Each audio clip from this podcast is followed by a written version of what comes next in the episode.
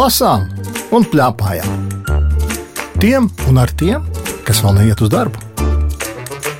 Čau, Henrij! Čau! Henrijam 11. Henrijam 11 gadi, Laurim vairāk, un viņš sēž Henrijam pretī. Un runāsim par grāmatām. Viena grāmata ir uh, bieza grāmata, un otra grāmata ir plāna grāmata. Sāksim ar biezo, Bija interesanta grāmata. Man patīk. Bet ne no tā, ka bieza. Nē, Tu esi drosmīgs. Pirmā grāmata, par kuru parunāsim, tās nosaukums ir Pagrīdes ieceļotāji. Tās autori ir Valentīna Paravāna un Valērija Tasara. Tie ir itāļi, bet zīmējusi ir Anita Rupēka Latvieta. Vai tu esi bijis Romā? nē. Šī grāmata visa notiek Romā.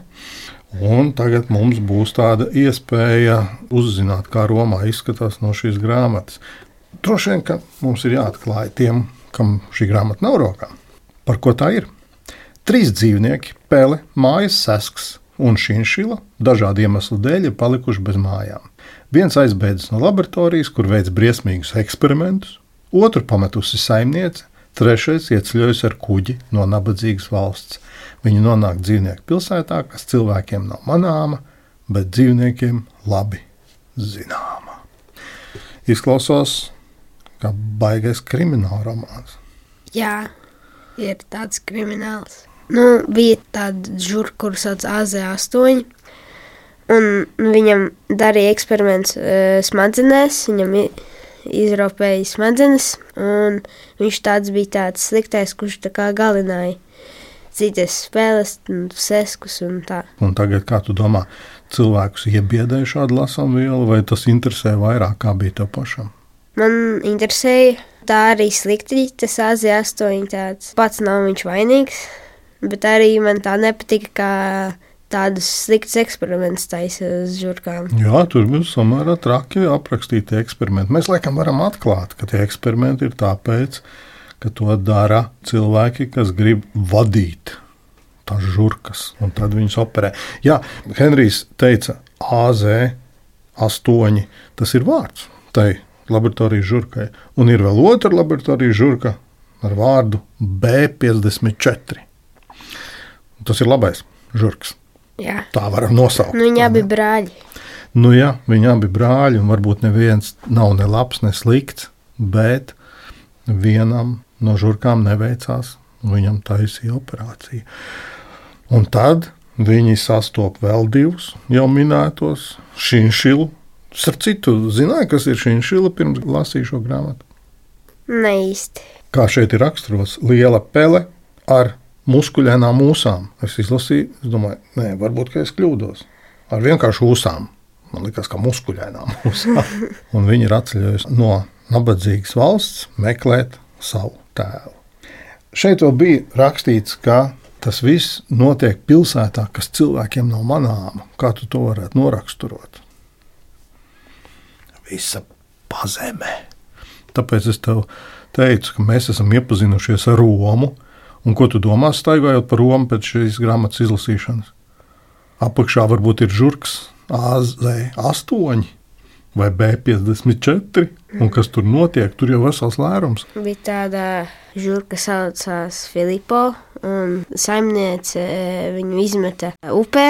Un tad eh, B54 viņu ieraudzīja, un tad viņi tur iepazinās. Nu, jā, tā kā tas ir otrs tas raksturs, kas ir tā pirmais bija tas B54, un šis ir Filipo. Kā jūs redzat, viņi visi trīs, viņiem ir kaut kāda skarbā dzīve, kuru mēs ikdienā nemaz neredzam. Ne?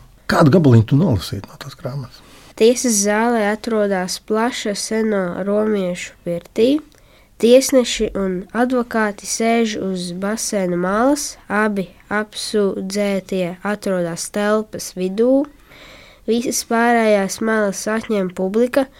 Šī lieta ir izraisījusi skandālu, un daudzi salas iedzīvotāji ir atsteigušies, lai dzirdētu spriedumu. Starp skatītājiem ir arī Pepe, kas aizslēpies aiz jakas kapuces, cenšas nepievērst savu uzmanību. Vienā mirklī no knābja knābī, no mutes mutē, bet kas tad ir noticis? Kāds zvirbulis jautā Nutrijai. Mm, izskatās, ka divi jaunatnācēji vakar ir uzbrukuši cilvēkiem. Kad es lasīju, es domāju, kur es esmu tādas līdzīgas sajūtas saņēmis. Un zini, ko es sapratu? Lielās Disneja mūtenes. Jā. Tajās notiek tāpat. Kāpēc? Tāpēc, ka šeit visi dzīvnieki tieši ir tā, kā to izlasīja. Un galvenais, ka visi dzīvnieki runā un rīkojas tā kā cilvēki. Un tas man ļoti, ļoti atgādināja lielās animācijas filmas. Bet tas varētu būt kino. Varbūt, jā. Man šķita, ka visu laiku tur kaut kas notiek, visu laiku ir jāsako, visu laiku kāds dara to, šo, lien, gāž, met, runā un tā tālāk. Un grib dažne dažādas gan labas lietas izdarīt, gan arī nogalināt. Bet pie reizes, starp citu, tu lasīji par romiešu pirtīm. Zini, kas ir romiešu pirtis? Nē, Tā ir kā uzrakstīts romiešu pirts, un liekas, ka tā ir vienkārši pirts Romā. Nu, teiksim, tāda mūsu sauna ielikta Romā. Nē, romiešu pirts ir kaut kas īpašs. Ir iespējas izpētīt internetā, kas ir romiešu pirtis. Tā ir pavisam īpaša telpa. Tāpat šajā grāmatā ir vēl vairākas lietas. Es tā lasīju, es domāju, hmm, interesanti. Vai visi lasītāji zina, kas tas ir? Piemēram, tāds teikums. Odīlija silda milzīgu minestrones zupas katlu. Zini, kas ir minestrones zupa? nē. Aha, bet nu, tu zini, kas ir zupa. Nu, vismaz Jā. mēs zinājām, kas ir zupa. Bet kādas tev ir asociācijas ar tādu vārdu minestrones zupa? Kaut kāda slikta zupa vai kaut kas tāds. Es tev izstāstīšu. Minestrone ir bieza itāļu izcelsmes zupa, ko gatavo no dārziņiem. Bieži vien pievienojot makaronus vai rīsus, dažreiz abus. Parastās sastāvdaļas ir pupiņas, sīpolis, selerijas, burkāni, lapu dārziņi, buļļons, parmezāna siers un tomāti. Vēl parmezāna siers ar nāk klāt, un mēs atkal domājam, kas tas tāds ir. Itāļu siers. Itāļi ir slaveni ar dažādiem sieriem, īpaši ar parmezānu. Tās ir visas tās interesantās lietas, ko no šīs grāmatas mēs varam kaut ko uzzināt par pasauli. Kādreiz, kad tu kaut kādu grāmatu lasi un ir kaut kāds nepazīstams vārds, tu viņam skrien pāri, vai tu ieskaties tomēr Google. Īsti es pats viņu tā kā ignorēju, bet, kad lasu, piemēram, māmu, tad viņa man izstāsta, ko tas nozīmē. Viņa tēlo Google. Jā, Es esmu redzējis arī lasītājus, kuri, o, paga, paga, paga. Viņš apstājās, lasot, ja googlē, ah, skaidrs, ja tālāk. Visi šie trīs dzīvnieki, tik tiešām mēs viņiem varam sekot un līdz pārdzīvot, vai ne? Kā viņiem tur iet. Un viņiem visiem trijiem, kā man šķiet, tā galvenā problēma ir, vai visiem trijiem kopā ir forši. Kā domā, atrisināt problēmas visiem trijiem kopā ir vieglāk vai grūtāk? grūtāk. Grūtāk, kāpēc? Jo tāpēc, kad Filipo viņu izmeta, viņš tagad viens pats. Jā. B54 un AZ8 ir no laboratorijas, viņi tā nu, griežās galva. Un ir tāds Pepe, kurš nāk no Ekvadoras, meklē savu tēvu. Un tā grūti viņiem visiem trīs. Grūti ir. Es turpināšu, ko Henrijs stāstīja. Nu, tā norunāts. Rīt katrs ies savu ceļu ar labu nakti. B54 atbild, izslēdzot gaismu. Saldu dusu, buenas noče, saka Šinšila, manuprāt, viņi parasti runā citā valodā. Visi trīs pagriežas cits pret citu ar muguru un pirms laižas miegā nodomā. Oi, labāk ir vienam pašam nekā kopā ar abiem šiem neveiksmniekiem. Tas ir tas, ko Henrijs teica. Esot grūti. Bet kā tad stāstā ir?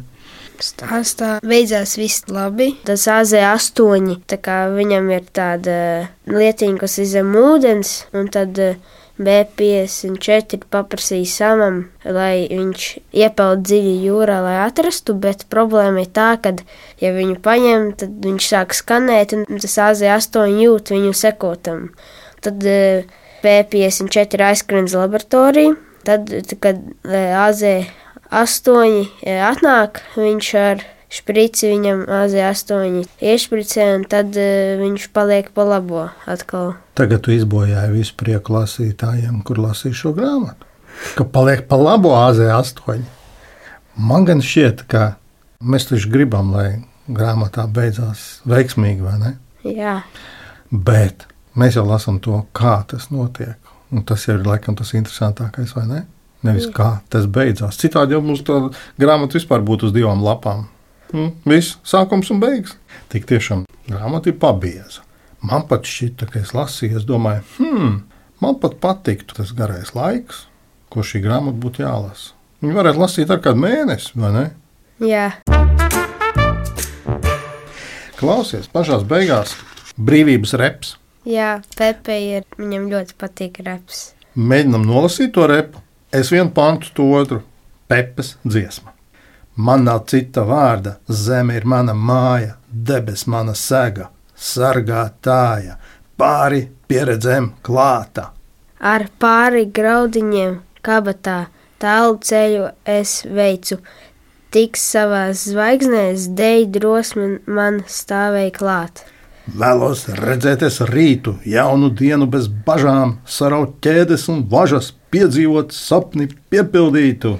Tēvi es sevi jaušu, zinu, tik kopā mums ir divas dvēseles, viena sirds, visas naida, tauvas pušu mēs zrausim. Nu, lūk, ar to arī ir šis stāsts galā ar to, ka un tomēr kopā laikam bija labāk.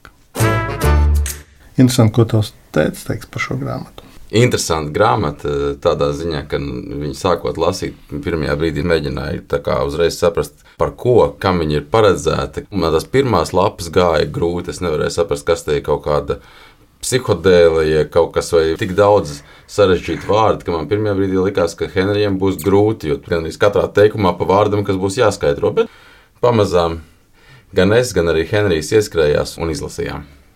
Un pat uzzinājām, kas ir minestrona zupa. Jā.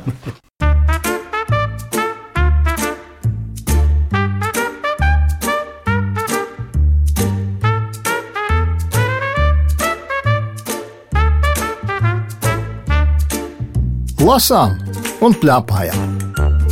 Tiem un ar tiem, kas vēl neiet uz darbu. Otra grāmata mums ar Henriju ir stipri, stipri plānāka un tādiem košiem zīmējumiem.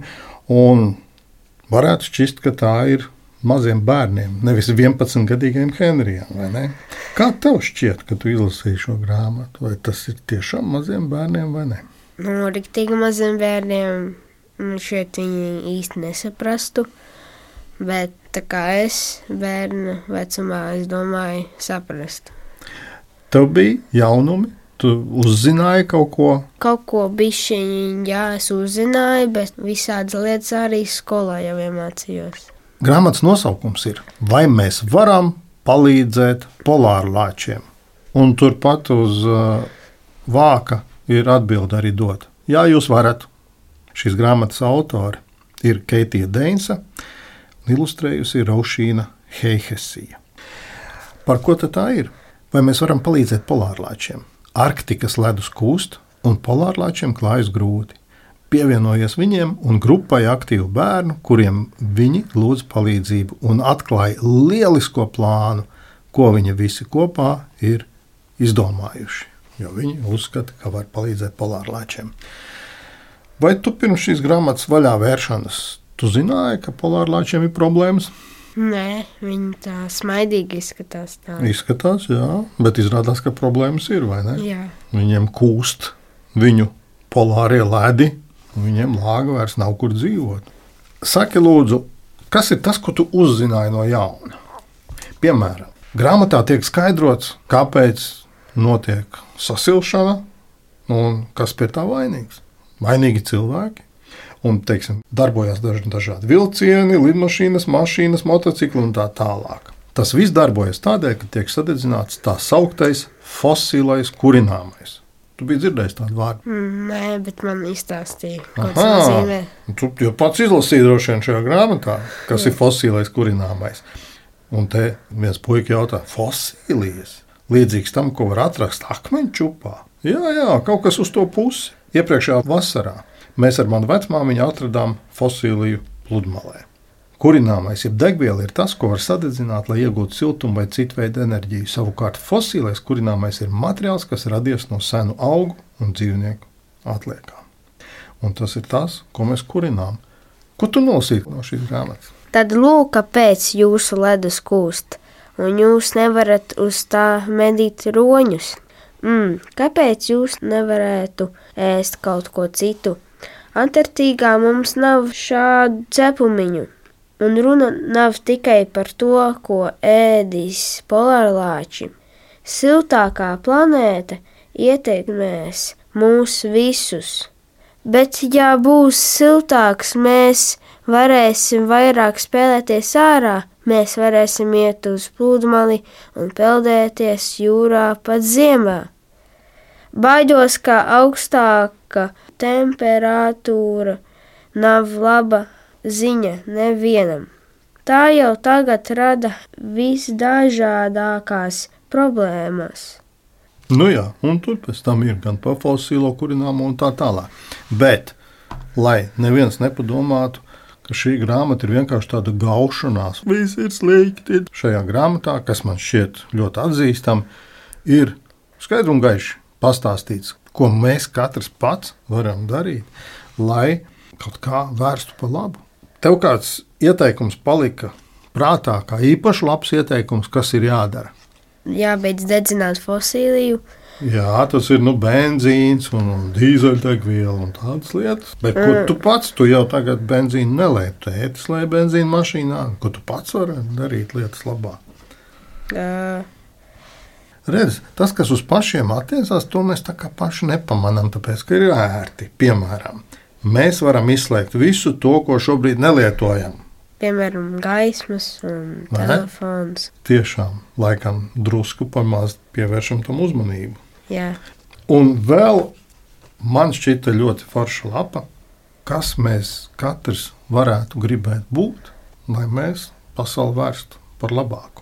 Tev bija kaut kāda no šīm versijām, kas šeit ir rakstīts, o, es arī gribētu. es gribu kļūt par savvaļas dzīvnieku pētnieku un vairāk uzzināt par polārlāčiem. Es gribu kļūt par mežkopi un iestādīt miljardu vietējo koku.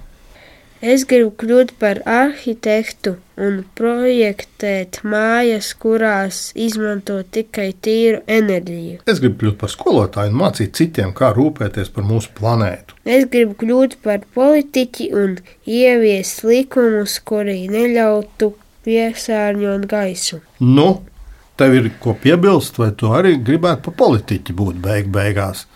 Nē, es negribētu par politiķi Bet- būt. Es gribētu būt dzīvnieku pētnieku un uzzināt vairāk par polārlāčiem. Tas tev atbilst, jā. Jā, Mhm. Tā kā izrādās, tās nemaz nav plāpas, bet ir ļoti konkrētas lietas, ko mēs varbūt kāds atcerēsimies uz visu mūžu. Pašā beigās arī grāmatai ir vārnīca, kurā var ļoti daudz ko īsi uzzināt. Kas ir akumulators, kas ir gaisa kondicionētājs, kāpēc viņš ir slikts, siltuma izolācija, siltumnīcas efekta gāze, kas ir un kas ir tīrā enerģija un tā tālāk. Uzzināsim, ko tavs tētis saka par šo grāmatu. Polārlāčiem, protams, ka mēs varam mēģināt palīdzēt ar tiem rezultātiem. Vai tie iespējamie rezultāti ir novērtējami, to šī grāmata par polārlāču glābšanu, protams, neizskaidro. Viņi dod dažus veselīgus padomus, kas ir vērtējami kā, kā vērtīgi padomi. jā. Paldies jums abiem! Ar Henriju runājās Lauris Gundars, raidījuma redaktore Agita Bērziņa, skaņu režisori Valdis Raitums un Elizabete Šecānova. Raidījumu vēlreiz var noklausīties Latvijas radio lietotnē, mājaslapā un arī arhīvā. Tiekamies!